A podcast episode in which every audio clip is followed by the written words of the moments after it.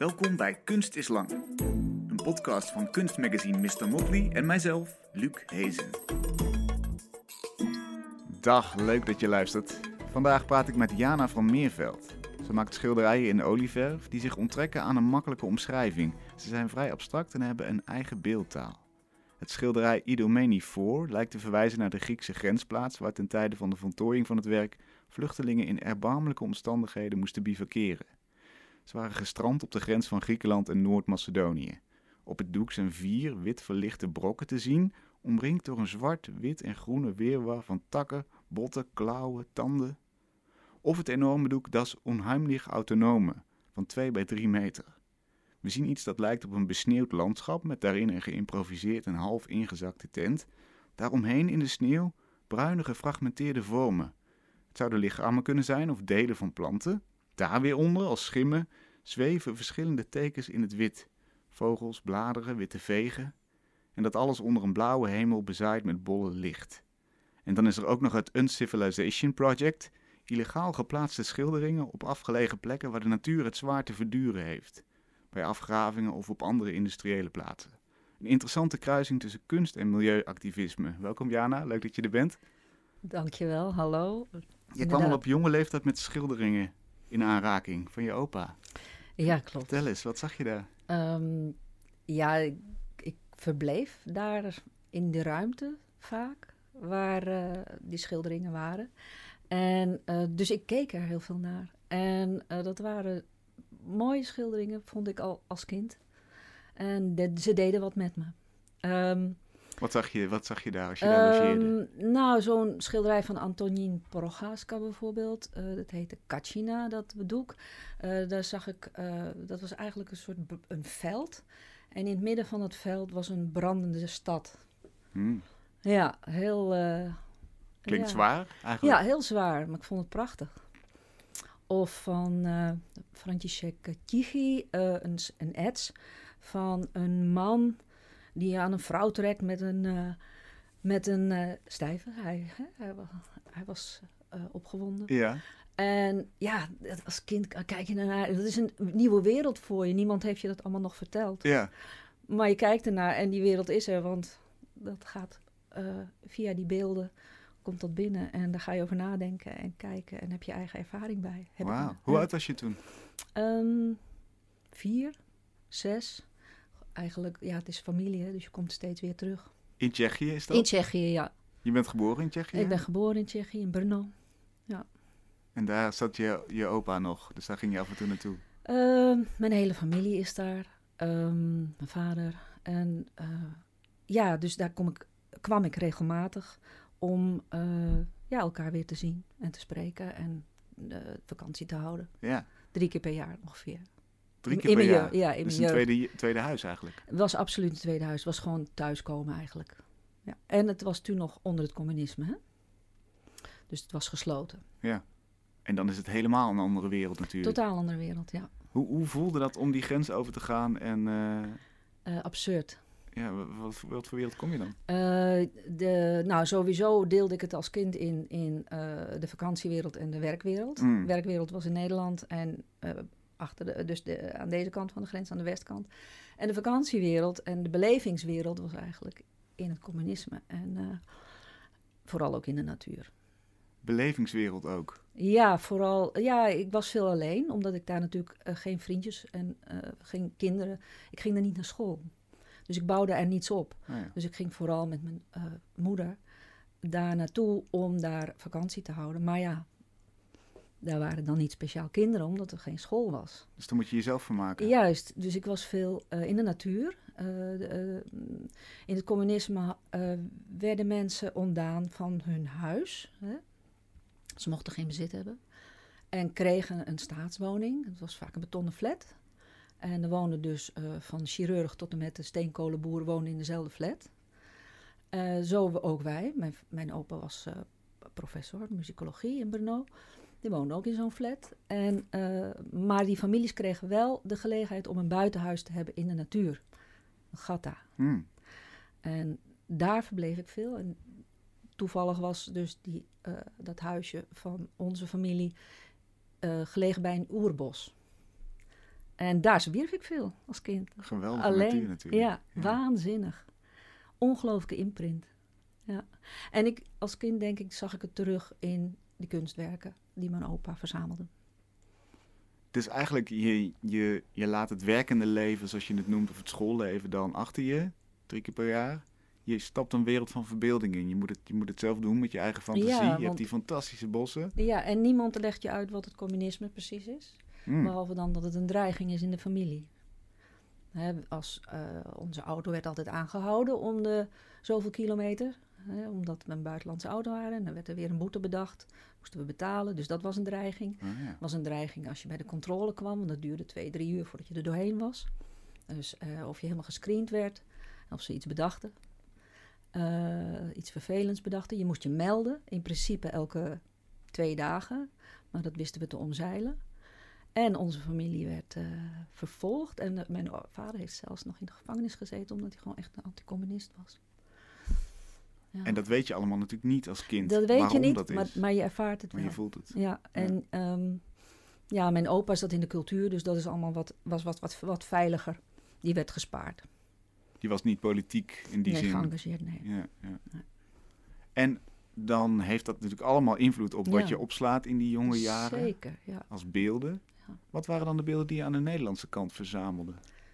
Dat was heel ingewikkeld, want wij werden gedropt in Nijkerk en Putten, die omgeving. Eh, gereformeerd. Je had niet eens knoflook. in die tijd Je bestond had niet deze knoflook, waarom niet? Dat kon je in Nederland niet kopen. Het kruid van de duivel. Zoiets. dat zo? Ik weet het niet. ik veel, weet ik veel. Maar het was, het was vrij wild voor mij, van het contrast. Ja, mijn, moeder eh, was in, is een ingenieur. eh, zij werkte aan eh, bruggen en... eh, eh, ja, dat was toen heel ongewoon. Ze liep in de minirok rond, eh jaren zeventig. Ja, ja. Maar dat mocht niet. In de omgeving waar wij waren, op zondag zeker niet. Nee, nee. Dus ja, weet je, daar was een enorm contrast. Is dat dan een fijn leven daar? Of wat, heb je daar, wat horen daar voor beelden bij? Eh, nou, ik paste me wel goed aan aan Nederland. In die zin dat ik naar school ging. En ik had snel vriendjes en vriendinnetjes. En ik kan me ook niet eens herinneren. Ik kan me wel herinneren dat ik van het Tsjechisch denken overging in het Nederlands denken. Hoe verschilt dat? Dat weet ik niet. Het ging vanzelf. Oh, in taal bedoel je? Ja, het denken. Ja, ja. En eh, ik kan me ook niet herinneren dat ik problemen had met, eh, met de Nederlandse taal. Maar dat was misschien ook in die leeftijd pas je je makkelijk aan. Hè, tussen je vierde en je zesde pas je je makkelijk aan. Ja. Dus dan heb je die, die woeste natuur daar. Je hebt de schilderijen waar je tussen logeert. En welke beelden horen dan bij het Puttense leven? Dat is wat kleiner allemaal. Nijkerk en zo, ja. Nijkerk. Ja, ehm, de kerk. De kerk, dat was, dat, dat was... Ik geloof dat ik eigenlijk eh, daar ook helemaal geen beeld van maakte. Daar, daar, daar werkte ik gewoon in, daar verbleef ik in. Hm, Er was ook niet echt speciaal veel natuur hier in Nederland, voor mijn gevoel. nee. Ging naar de zandverstuiving bij Nunspeet in de buurt. En daar was dan bos, maar dat waren in mijn, mijn optiek waren dat meer struikjes. Ja, ja, ja. Wat voor heel veel Nederlanders de natuur is, ja, hè, daar. ja, ja. Ik vond alleen strand. Nulde heel leuk. Oh, ja. Want water, dat is natuurlijk iets wat je in Tsjechië wat minder ziet. Oh, ja. Ja, en de zee. We gingen trouwens nooit naar de zee. Dus die zee was nog eigenlijk niet een... Dat was nog een onontgonnen gebied voor mij. Hoe hebben die beelden uit je jeugd je werken beïnvloed? Wat heb je daarvan meegenomen? Eh, die natuur, die, die, die, die, oerbossen, eh, dat is een belevenis. En die, dat is een ervaring die ik, eh, merk ik eigenlijk steeds weer probeer tot uiting te brengen. Eh, ehm, ja, ik denk dat je dat moet zien Mhm. hè, in mijn werk. Ik denk dat je het ook herkent in mijn werk. Dat het altijd iets landschappelijks is. Altijd is er Zeker. een horizon. Altijd is er, maar er zijn niet specifiek altijd bomen of zo. Maar wel dat, dat groter maken. Hè, een grotere wereld maken. Dan alleen een, een, een belevenis of een verhaal. Ik wil eigenlijk een groter verhaal vertellen, denk ik. In mijn schilderijen. En dan horen die oerbossen, die komen daar vandaan, hè, uit je jeugd? Nou, die oerbossen zijn een, is, een, is, een, is een imprint. Hè? Ja. Als, als, als gevoel. Hè? Ik weet niet of, je dat, of dat duidelijk is. Maar als je in de natuur staat, dan eh, doet dat iets met je. Mhm. Dan eh, voel je een, onder, klein, een onderdeel je voelt je eh, als mens minder re- relevant misschien. En dat bos geeft je ook heel veel. Misschien, ik was me dat niet bewust direct, maar ik ben me het nu wel bewust. En dus ik kan dat teruglezen op die manier. Maar het is natuurlijk heel moeilijk om te zeggen van, oh, dat heb ik heel doelbewust in die werken gestopt. Ja. Het is natuurlijk, eh, een schilderij is voor mij eh, eh, ook wel een, een gemis, opvullen van een gemis. Hè? En, ehm, en verder, natuurlijk. Daar blijft het niet bij. Nee, maar dat is wel de grondtoon. Dat begint het wel bij, ja. En dan, hoe ontstaat een werk inderdaad? Laten we dat eens... eh, Ja, aan de- misschien aan de hand van een voorbeeld. Ik dacht eh, Automation Bias Joust ja dat is een goeie. uit 2019. Ja, Moeilijk ja. te omschrijven. Maar ik ga een poging doen. Een achtergrond van goudgele en bruine strepen. Soms lange horizontale banen, soms verticaal in korte baantjes en strepen. Beetje als een geweven stof die in verschillende richtingen is, eh, is geweven. Iets uit het midden lijkt er een soort blauwe grijze massa uit het doek te breken, zoals de zon door de wolken kan breken. Maar dan in kleuren precies omgekeerd. Dus je hebt geen blauwe hemel, maar je hebt een blauwe massa en je hebt gele, gele hemel. Hoe is die ontstaan? Ja, heel goed. Ehm, nou, ik ben al jaren bezig met eh, als eh, eigenlijk een soort houvast eh, rotsen. Eh, en die rotsen, dat, dat zijn vormen die heel bazaal zijn. Hè? En eh, ja, als schilder wil ik graag een houvast hebben. Dus ik neem die rots als houvast. Maar vervolgens ga ik er verder mee. En bouw ik het uit eigenlijk tot eh, een idee of een ervaring die ik heb gehad. En dat is vaak een imprint, hè? Dus een, een, een, een, eh, iets wat me heeft, heeft geraakt.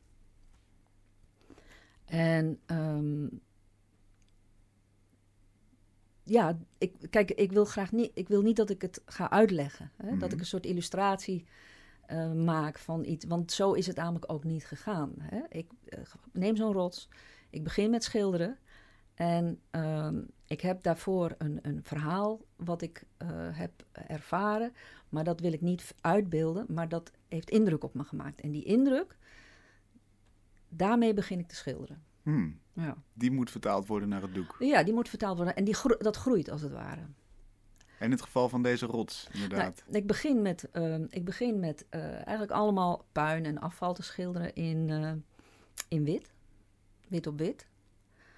En ik weet dat die rots er gaat komen. Maar hoe die eruit gaat zien, dat weet ik nog niet. Mhm. Ehm, maar de kleuren heb ik ook al bepaald van tevoren. Dus ik heb eigenlijk een soort regie hè, die van tevoren. Dus ik begin met de, met de imprint, een, een, een, een indruk die ik heb gehad. Dan bedenk ik een regie van schilderen en dan begin ik. En eh, ik probeer het doek ook zo op zo'n manier te plaatsen dat ik eigenlijk niet goed kan zien wat ik doe. Dus ik vertrouw dan eigenlijk op de regie die ik heb bedacht om iets te maken, maar ik weet niet hoe het eruit gaat zien. En Hoe, hoe werkt dat praktisch? ja, het, eh, Leg, hoe, het is heel simpel. je- maar we Het zien niet wat horizontaal. je doet? Nee, je legt het plat horizont- neer? Ja, ja, horizontaal Ah. op de grond. Of eh, nee, eh, op, op een. Ik heb verschillende maten eh, schragen. Ja. En ik heb één hele hoge. Dus een kleintje gaat heel hoog. Een grote gaat wat lager, zodat ik erbij kan, nog in het midden, nog Mhm, net. mhm. Eh, dat zie je ook bij die grote heel vaak, dat in het midden wordt het onhandig. Dan kan ik er niet bij. Dat is omdat je gewoon je arm ergens boven Ja. uitsteekt en Ja, niet ziet wat ja, je doet. Ja, bij, ik zie het wel hoor. Maar ik zie niet het geheel. Ik wil het geheel niet eh, beoordelen en ik wil ook niet reflecteren op het geheel. Ik wil, ik wil eigenlijk die regie uitvoeren.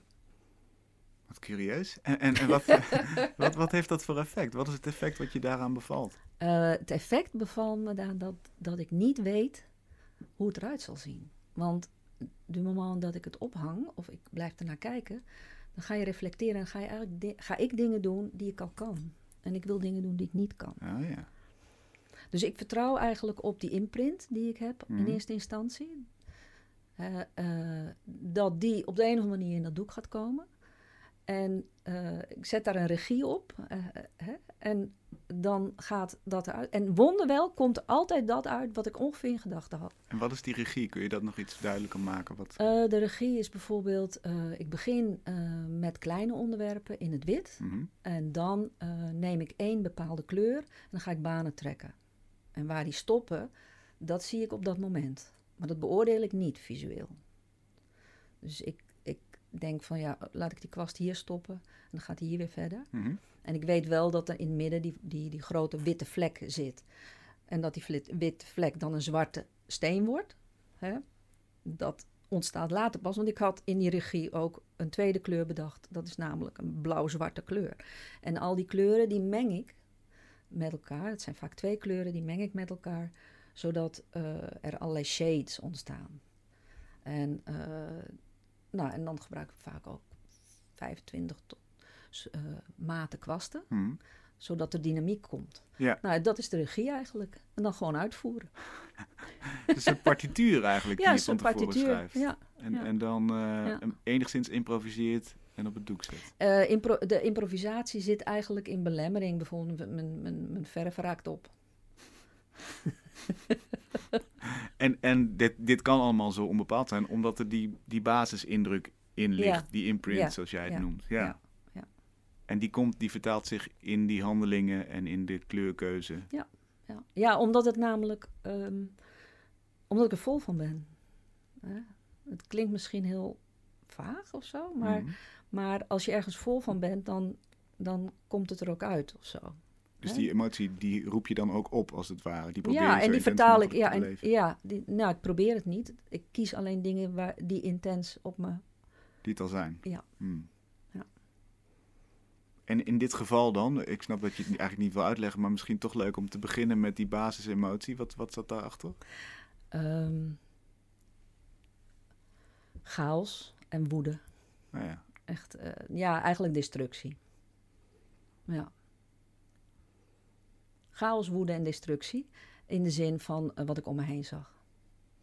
Hè? Eh, hoe ik, eh, met name de, de rotzooi die je ziet op plekken in de natuur. En op mooie plekken in de natuur waar gekampeerd wordt. dat er gewoon geen respect is voor, voor oh, voor wat de waarde is van wat er is.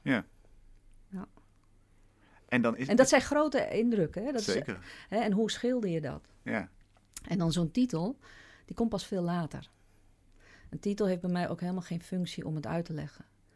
Een titel is bij mij eigenlijk een adjectief, een, een, een, een, een extra. Hmm. Om eh, nog een wereld aan te boren.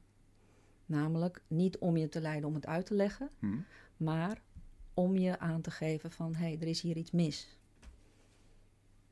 Want het is een raadselachtige titel eigenlijk. Nou, automation bias is wel. Kijk, ik heb het bedacht in 2019. eh naar aanleiding eh, van een boek van ehm, James Bridle. New Dark, New Dark Age, geloof ik. Ja, en dat gaat eigenlijk over algoritmes, hè, dat die ons leven bepalen. En dat Mhm. begon al bij het weer, eh, het weer voorspellen. Hè. Wij voorspellen het weer en naar aanleiding daarvan handelen we. Het is krankzinnig. Want vroeger, hè, en dan heb ik het echt over een eeuw, anderhalf geleden, toen er nog niet die logaritmes waren, had men verstand van wat er in de lucht gebeurde. En op basis daarvan kon men ongeveer voorspellen wat het weer zou zijn. En Mhm. daar, dan ging men handelen. Hè? Of je ging oogsten, of je ging eh, eh, erop uit. Of... Maar nu eh, zit het in de algoritmes waar we op vertrouwen. Maar die algoritmes kunnen verkeerd zijn. Of die kunnen, die kunnen een flaw hebben. Of die, of die zijn door mensen beïnvloed. Of de mens die het eh, ingevoerd heeft, hè, eh, kan een vergissing maken. Vandaar de bias, de, de Ja. vooroordeel. En een joust is een eh, steekspel. Ik heb het opgezocht. Een, een ridderlijk steekspel. Ja. Is het middeleeuwse Ja, tafereel. Dat je ja, met een paard en, ja, een, en een ja. lans ergens... Maar het is ook niet mijn bedoeling om, eh, om eh, een, een coherent verhaal aan je te vertellen. Ik wil gebieden aanraken. En eh, het is aan jou waar je zit, wat je hebt gelezen, wat je weet. Eh, en ik ga ervan uit dat je dat oppikt. Of in ieder geval dat het je, dat het je dat het generatief is. Oftewel dat je dus iets nieuws, dat er iets nieuws uit ontstaat. Mm. Ja, dus dat je in de, in de dat je verbeelding wordt aangezet. Dat je naar Juist, randen ja. van, van bestaande Ja, betekenissen ja, gaat in je hoofd. Ja, en als jij nou bijvoorbeeld een vulkaan inziet, dat is ook oké. Dan, Voor mij is het allemaal heel concreet. ja, Maar het is niet mijn bedoeling om het als eh, verhaal heel concreet te laten zien. ja. Dan maakt het dus inderdaad niet zo gek veel uit wat een kijker daarmee doet. Dat Nee. is dan aan. MHX. Nee, ik, ik ben ook van mening dat op het moment dat ik eh, heel sterke imprint heb, dat dat beeld ook heel sterk wordt. Dat is ook eigenlijk mijn ervaring. Hoe minder sterk de imprint is, hoe minder, het goed, hoe minder goed het wordt. Hoe minder direct ook.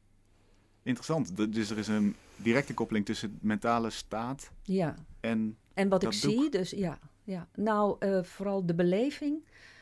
Je moet goed begrijpen, de keuze vooraf is het belangrijkste. Ik heb tijden dat ik eh, geen imprint heb. Hè? Dus dat ik, ik noem het nu even zo, dat jullie weten waar ik het over heb. Hmm. Maar je zou het ook anders kunnen benoemen. Eh, er zijn soms tijden dat ik denk, ja, lekker leven. Weet je wel? Saai.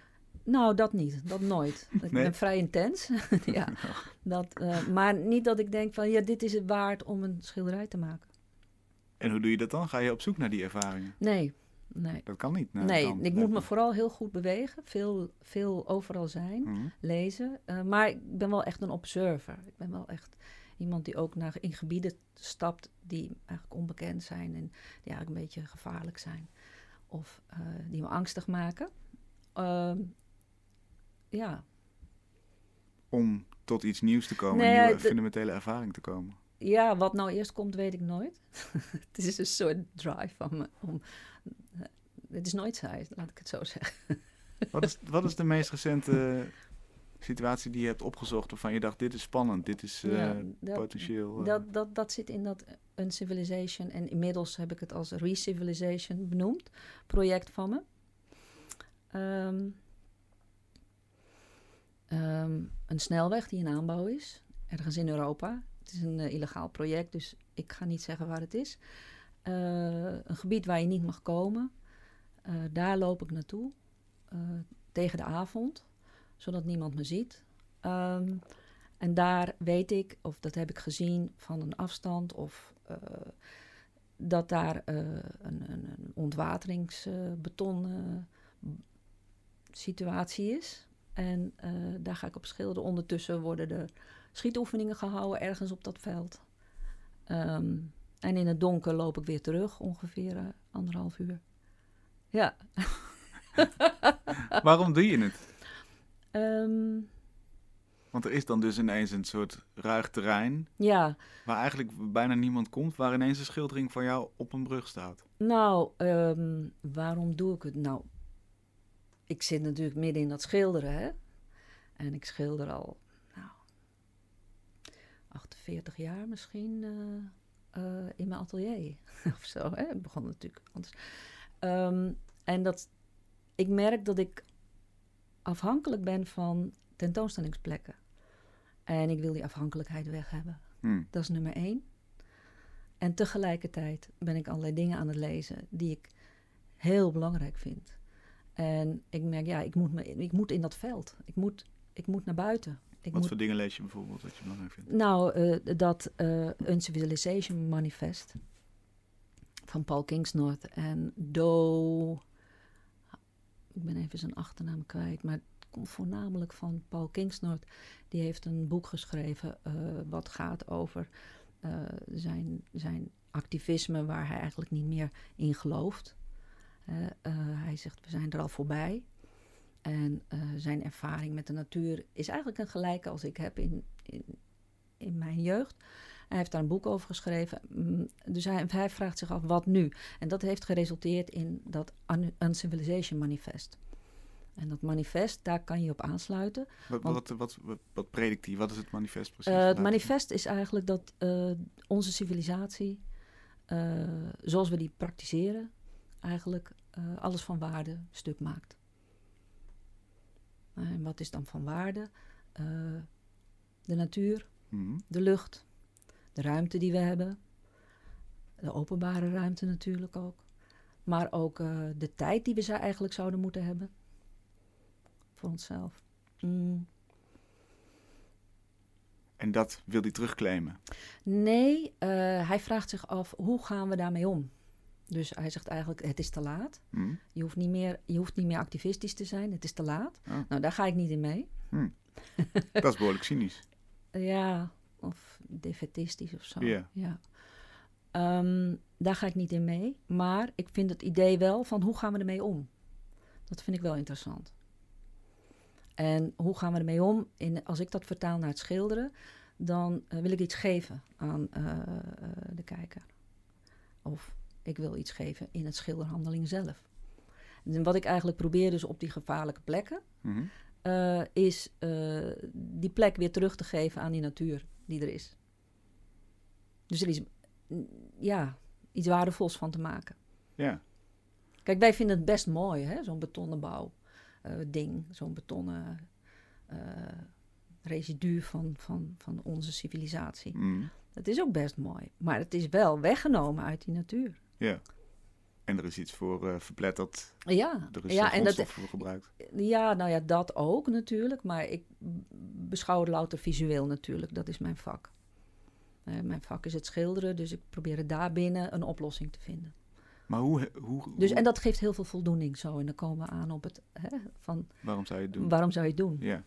Maar als je zegt, ik wil graag eh, het gebied teruggeven aan de natuur, of ik wil iets teruggeven aan de natuur, Nou, ik wil een verbinding maken een eigenlijk. verbinding maken. Ja, dat is het meer. Ja. Dat is het meer, want ik geef het natuurlijk niet terug. Het is natuurlijk nog steeds civilisatie wat ik doe. Vandaar ook recivili- re-civilization, met een bewustzijn. Ja. Wie help je daarmee inderdaad? Is het de natuur? Zijn het de mensen die het eventueel zien? Eh, in- nee, de handeling zelf, dat het gebeurt, is eigenlijk een, eh, een, een, eh, een, een, een staat van handelen. Hè? Eh, eh, en dat affirmeert ehm, eh, een houding in het leven. Hm. En ik kan er natuurlijk over vertellen, ik vertel er nu over. Dus het heeft ook een andere verspreidingsvorm. Ja, Maar ik fotografeer het ook. Hè? ja. Ik bedoel, ik hoop er een boek van te maken, misschien ooit. Maar het, is, het zijn plekken waar in principe geen mensen komen. precies. Daarom. Ja, ja, daar is geen publiek, dus ook niet dat auto's er langs gaan. Het is toevallig een passant kan er langs komen, zoals zulke jongens die aan het schieten zijn of zo. Of iemand die zijn hond eh, wat verder uitlaat of zo. Ja. Mhm. En hoe hoop je dat dat opvalt dan, wat daar te zien Ja, is? daar heb ik geen idee over of zo. Hoop je se. überhaupt dat het opvalt? Nou, kijk, ik. eh, nee, hoeft ook niet. Hoeft ook niet. Nee, het is, het is meer de daad dat, eh, dat ik denk dat ik dat. Het is een rite misschien. Mhm. Ik bedoel, dan vraag je ook niet bij van ik hoop dat het opvalt. Dan is de handeling belangrijker. Ja, tegelijkertijd een ritueel is natuurlijk iets wat je, wat je deelt, wa- waarin je een bepaalde verbinding zoekt. Een schijnbaar zinloze handeling, die Ja, door verbinding zijn waarde krijgt, zou je kunnen zeggen. maar de verbinding is in dit geval niet per se mensen. Nee. Hè? Verbinding is, als het al mensen zouden zijn, is het die enkele passant die komt eh, en die dan verrast wordt. Maar eh, eh, voor mij is het belangrijk dat het heel goed en mooi wordt. En de verbinding zit tussen jou en die plek, denk Ja, ik eigenlijk. Ja, vooral, ja. Want jij hebt dat intense moment, je mag daar eigenlijk niet zijn. Je hoort kogels eh zuizen van, nou ja, van de niet, schietbaan. niet de- altijd natuurlijk. Nee, nee, maar, maar- dat is wel de laatste keer geweest, ja. Ja, ja. En je moet anderhalf uur lopen in het donker om er te komen. ja. Dus dat is een soort ritueel wat je volbrengt bijna als bewijs. Ik heb deze levenshouding en, en, en ik ja. manifesteer ja, die. Ja, het, het, het affirmeert het natuurlijk ook van eh, hoe ga je dan om met de rest hè, binnen in je leven. Maar goed, dat wordt wel een heel groot verhaal natuurlijk. Die, die laatste snap ik niet. Nou, eh, eh, als ik zoiets doe, ehm, dan kijk ik ook naar hoe ik eet. En kijk ik ook naar hoe ik met mensen omga. En Hmm. kijk ik ook naar hoe ik met mijn tijd omga. Ga ik, kijk ik ook naar hoe ik leef, wat ik besteed. Hè? Zo. Probeer daar zoveel mogelijk een geheel van te maken. Ja, En dat is best heel moeilijk. natuurlijk, ja. Ja, Ja, en, en, en door zoiets te doen wat voor sommige mensen misschien onzinnig lijkt of zo. Omdat Totaal, het niet ja. in, de, totaal. in Ja. onze dagelijkse logica past. Ja. Bevestig je die houding, die, basishouding. Ja. Dus, dus inderdaad, eh, dit hoeft helemaal niet door mensen gezien te worden. Nee. Maar de foto's die je maakt en verspreidt, want ze staan op je Instagram bijvoorbeeld. Niet allemaal. Ik heb er een stuk of tien al gedaan. Ja, En eh, om de zoveel tijd laat ik wel wat zien. Omdat, eh, ja, ik ben wel bezig. Hè? Ik heb geen tentoonstelling op dit moment. En uh, dus ik wil wel een signaal uitgeven van hey, ik ben wel bezig. Ja. En degene die het oppikt, die pikt het op. En degene die met me erover wil hebben, die, die vertel ik het. Maar ik bedoel, het is niet zo dat ik 30.000 volgers heb of zo. Dat het, uh... Je bent geen influencer. Nee. een micro-influencer ben. Ultra-micro-influencer, ja. nou weet ik niet. Heeft het ook te maken met je onttrekken aan, laten we zeggen, de economische kant van het kunstenaarschap? Nou eenmaal geld moeten verdienen met je werk? Dat lijkt ook een beetje middelvinger naar, naar, naar dat aspect. Nee, dat is niet aan de hand. Ik verkoop mijn doeken. En, uh, en ik heb uh, uh, andere inkomsten binnen, ook binnen de kunst. Hmm. Ja. Maar kan, en ik heb een beurs. Maar dat kan, is natuurlijk wel ook belangrijk. Kun je dit doen? Van het Mondriaan Fonds. Ja, precies. Maar Ja. kun je dat doen omdat die andere geldstromen er zijn? Of is het iets, wil Ja, je maar- het van elkaar scheiden? Zeg maar? Nee, die andere geldstromen die zijn er allemaal eh, ten bate van dat ik dat kan doen. Ja, precies. Laten we wel wezen. Ik bedoel, mijn hele leven ziet er zo uit. Ja. Ik heb besloten om geen kinderen te nemen, omdat ik echt in dat kunstenaarschap wilde eh, eh, eh, eh, staan. Hm. 100%. En ik wist dat eh, op het moment dat je kind hebt, dan is het tweeledig. Want die intensiteit heb je ook nodig voor je kind. Hm. En tijd natuurlijk. Ja, dus dat wilde je zuiver houden. Je wilde, zoals eigenlijk het schilderen van die, van die brug een soort opoffering is, of, of een soort... Ja. Ja. Ja, is je leven dat eigenlijk ook, Ja. in dienst Ja. van de kunst. Ja, net zo goed als ik een regie voer in mijn schilderijen. Hm. Ik zeg dit wel, dat niet. Heel strikt. Ja. Mooie vervulling eigenlijk. Eh, Of is het zwaar? ja, ja, een mooie vervulling, zeker. zeker. Ik ben er heel erg blij mee. Ja, zeker. Het eh, geeft, geeft me veel kracht, denk ik. En ik hoop dat ik dat kan vertalen in mijn werk. Ja. Eigenlijk moeten we dus jouw werk een beetje zien zoals je naar een synagoge gaat, een kerk gaat, een, die, die rituele kant ervan valt me ineens heel erg op. Ehm, ja, die associatie is wel vaker gemaakt. Ik heb een tentoonstelling gehad in de cacaofabriek, waarbij ik eh, drie maanden voordat eh, dat, dat ik dat ging installeren, heb ik op straat ehm, tapijten verzameld, oude tapijten. En die heb ik op de vloer gelegd, omgedraaid. En dat stonk, was vies. Dat gaf een sensorische ervaring als je de tentoonstelling inliep. Eh, en want ik wilde namelijk dat als je naar die schilderijen kijkt, dat je dan eh, struikelt of dat je moet opletten. En dat je eh, met je fysieke gestel eigenlijk in een andere situatie komt. Je ruikt ook die geur van die oude tapijten en vieze tapijten.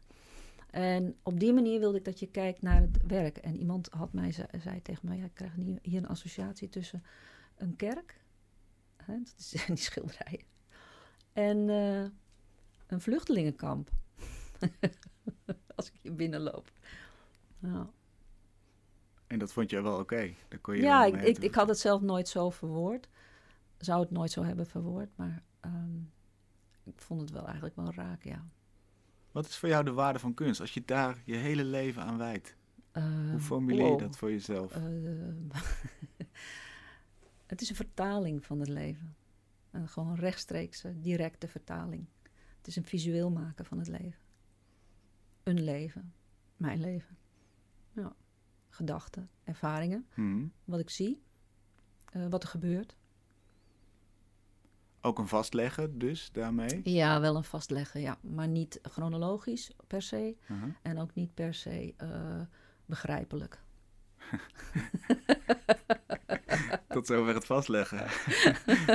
dus je slaat een paar paaltjes wel, maar ze zijn niet per se eh, illustratief Nee, voor wat er gebeurd nee is. dat hele illustratieve vind ik heel moeilijk, omdat het tijdsbepalend is. En ik hoop het los te zingen van de tijd eigenlijk. In die zin dat het om wat eh, andere onderwerpen gaat dan alleen dat er op dit moment iets actueel is. Ja. Dus eigenlijk neem je je eigen leven als voorbeeld van wat een mensenleven is. Ja, Je ja. gaat op zoek naar die hogere laag Ja. daarin. Mm, ja, Of niet? ja, hogere laag, ja, hogere laag. Ja, daar bedoel ik mee, de, als je uitzoomt, het, het, de, het verloop van een mensenleven. Ja, ja en eh, eh, eh, wat, wat raak je aan als mens? Hè? Waar, is je, waar gaat je, wat is je verbinding met die samenleving? Wat is je verbinding met ehm, ehm, En wat is je verantwoordelijkheid ook eigenlijk? Je zou ook kunnen zeggen, als je dat heel belangrijk vindt, eh, schrijf je misschien manifesten of ga je de politiek in. Ja, maar ik ben wel echt een visueel mens. Ja. Ik ben een echte schilder. Behoorlijk teruggetrokken in die zin dat ik graag op mezelf blijf werken. En eh, zo minder mogelijk in discussie ga met anderen.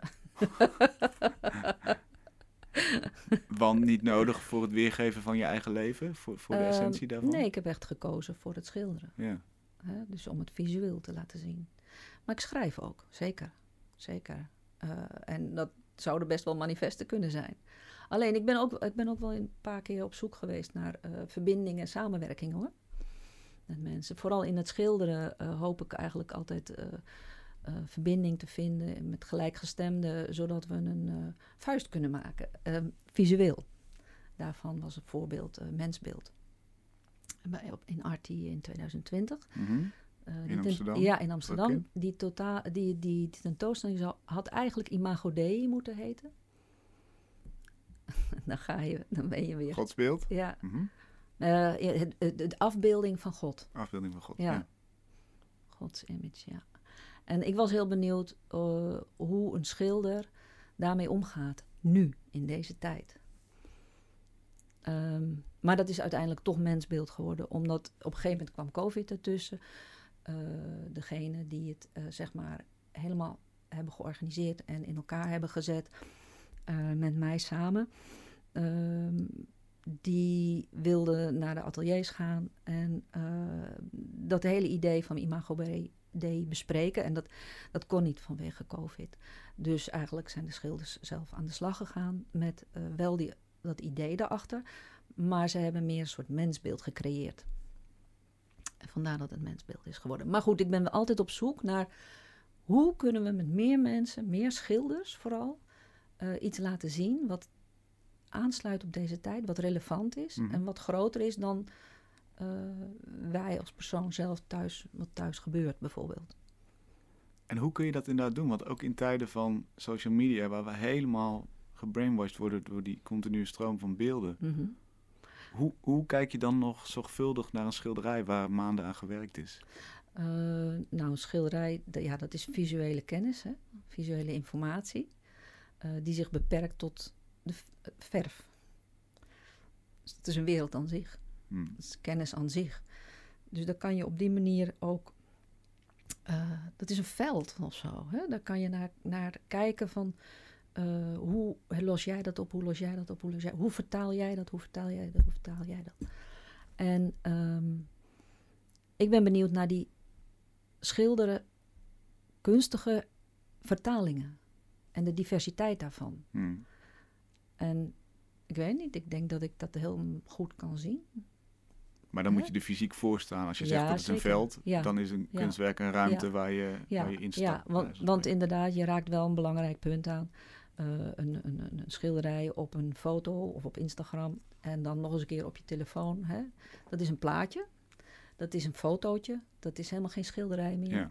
Zeker als het groot is, dus in mijn geval is dat heel vaak zo.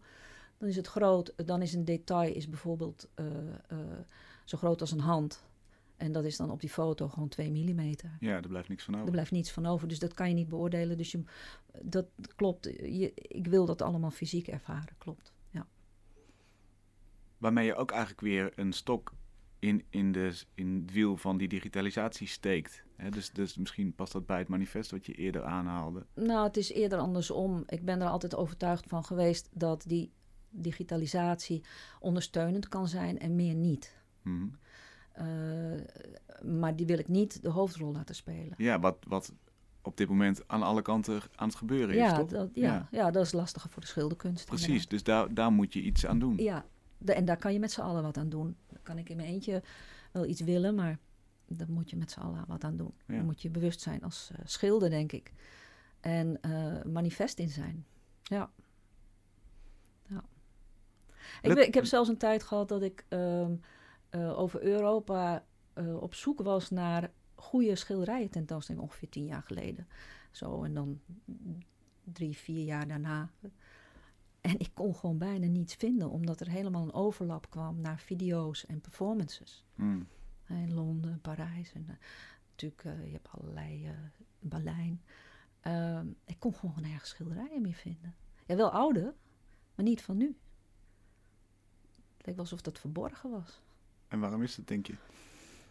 Nou, omdat het niet een agendapunt was in de kunst om schilderijen te tonen. Dus die visuele kennis, die, die, het is net alsof, maar ik weet het niet zeker, het is net alsof die visuele kennis aan het verdwijnen is van het schilderen. Hmm.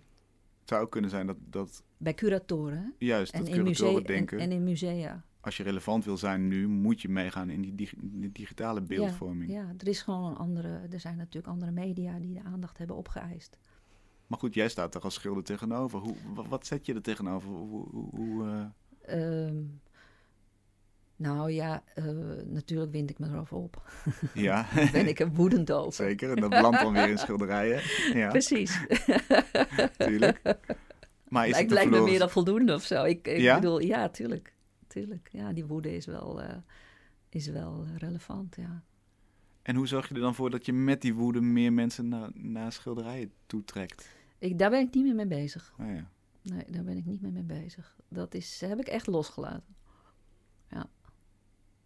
En ben je niet bang dat het een uitstervend ras is? Kijk, elke tien, ja, tien jaar wordt, wordt de schilder dood. Ik, ik eerlijk gezegd, ik, ik, eerlijk gezegd denk ik nooit dat het een uitstervend Hmm. ras wordt, omdat het zo primair is. Het is een medium wat uh, miljoenen mogelijkheden geeft. En alles wat je wil, kan je erin uitdrukken. Dat kan je van geen enkel ander medium volgens mij zeggen. Want er zit nou vaak het technische tussen. Mm -hmm. En het zit het uh, fysieke tussen. Hè? Dus als je hout hebt, dan heb je de weerbarstigheid van hout. Dat blijft een boom. Terwijl verf is bijna niets. Verf kan alles zijn. Kan ook hout zijn, kan ook uh, kan, kan alles worden. Mm. Vereist ook ambacht natuurlijk om aan te brengen en mee om te gaan. Uh, ja, je moet wel wat uurtjes hebben gemaakt. Ja. ja. ja. je moet wel keuzes kunnen maken. Je moet het wel kunnen terugbrengen. Dat, uh, daar heb je heel wat uren voor nodig, ja. ja. En uh, een goed oog. Je moet wel visueel ingesteld zijn. En geduld natuurlijk. Hè? Dus dat zijn allemaal waar, vormen van werken die niet zo populair zijn op dit moment, denk ik. Wat zou er gebeuren als je je wel op video zou storten? Wat zou je dan uh, missen ten aanzien van het schilderen? Um, de tijd dat ik uh, uh, besluit om een een kleur te nemen en daar een nieuwe kleur van te maken. En digitaal is, zijn er veel minder kleuren mogelijk, bijvoorbeeld. Um, het directe van de handeling, dus de hele fysieke van de handeling, het doen. En wat ik ook in dat Recivilization project doe, het doen en het risico wat in het doen zit. Ah, dat zou ik het meeste missen, denk ik. Het risico van doen. Want ook in mijn atelier zoek ik dat risico op. Dat is weliswaar geen risico met honden die uh, tegen me aanblaffen. Mm. Maar het is wel een visueel risico. Want uh, zeker een groot doek kost al gauw, wat is het? 150, 200 euro, gewoon blanco. Uh, dat is een financieel risico natuurlijk, dat is niet zo belangrijk. Maar het, ja, ik wil iets met dat doek, hè? dus dan moet het ook lukken. En dat is, ik creëer mijn eigen gevaar, als het ware. Ja. ja. Ik weet niet of ik dat in video zou kunnen. Ik zou denk ik die weerstand... Ik zou niet weten waar de weerstand in zit. En ik zou ook niet... Ja, dat hele fysieke zou ik vers verschrikkelijk missen, denk ik. Het staat zo in contrast met wat we nu in de maatschappij ja. belangrijk ja. vinden. Het eindresultaat, de efficiëntie, ja. de makkelijke manier. Ja, totaal, ja. Het zelfbeeld oppoetsen, juist niet de fouten, de risico's laten zien. Ja, ja. Dan is het toch een hel voor jou om, in die maatschappij te leven? Of, of, nee, of gaat dat wel? Nee, ik, ik voel me er heel erg in gesterkt in wat ik doe. Je hebt genoeg schilders om je heen verzameld. Die, ja, ja. ik denk je, het wel, ja. Ik denk als ik begin, zou beginnen, zou ik inderdaad niet weten... Als ik op de academie zou zitten, zou ik niet weten waar ik moest beginnen. Dan zou ik me ontmoedigd voelen in het schilderen, zeker. Ja. Dat zie ik ook. Mensen willen wel, maar zien geen ingang. En ja, worden helemaal overrompeld door alle digitale informatie die er is. Ja, want voordat zij een schilderij klaar hebben, heeft iemand anders al drie video's gemonteerd. Precies. En nou, een schilderij kan je in principe ook heel snel maken. Maar dan heb je nog het resultaat waar je mee moet dealen. Hè? Waar je Hmm. naar kijkt, denkt van, oeh, dit is niks. Dus hoe krijg ik dat beter? en dat kost tijd. Hmm. Wat, Of- eh, wat zeg je dan tegen jonge schilders die, die nu op de academie zitten en die het overwegen? Nou, vooral eerst, zet uit je hoofd dat je kunst aan het maken bent. En maak veel. Uren. Gewoon veel maken en kijk ernaar. Kijk er eerlijk naar.